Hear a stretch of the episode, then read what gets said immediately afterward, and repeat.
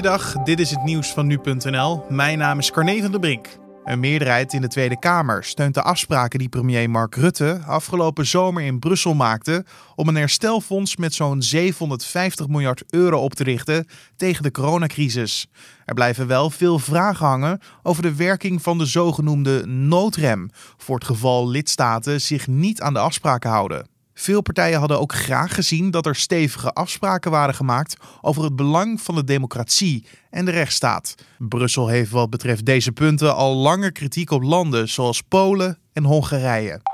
De waardedaling van het Nederlandse vastgoed zal volgend jaar oplopen tot 6%, al dus ABN AMRO. De bank wijst naar de verwachte stijging van de werkeloosheid als hoofdzaak, waardoor de waardestijging van dit jaar teniet wordt gedaan. Volgens ABN AMRO reageert de waarde van vastgoed met vertraging op de eerder dit jaar ingezette economische krimp als gevolg van de coronacrisis, waardoor de waarde van het vastgoed in Nederland in 2020 nog met 1,5% zal toenemen, maar in 2021 rekent de bank echter op een waardedaling van 6%.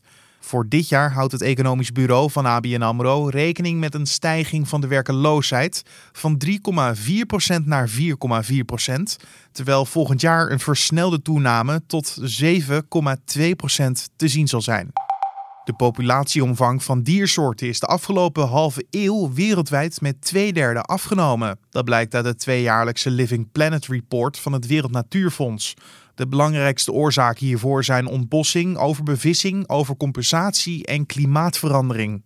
Met name in Afrika, Zuid-Amerika en het zuiden van Azië is sinds 1970 een enorme afname zichtbaar. Die daling is in Europa relatief laag, al dus het rapport waar 130 internationale wetenschappers aan meewerken.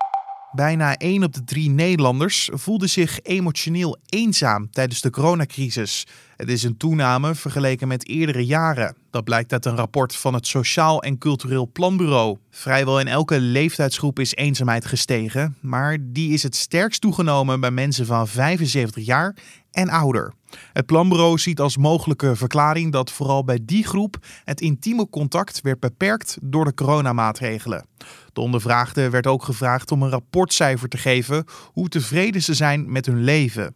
Met een 7,3 is dat niet significant lager dan eerdere jaren. Het Sociaal en Cultureel Planbureau denkt dat het kan liggen aan het feit dat begin juli de coronamaatregelen net versoepeld waren. En toen waren ze begonnen met dit onderzoek. En tot zover de nieuwsupdate van nu.nl.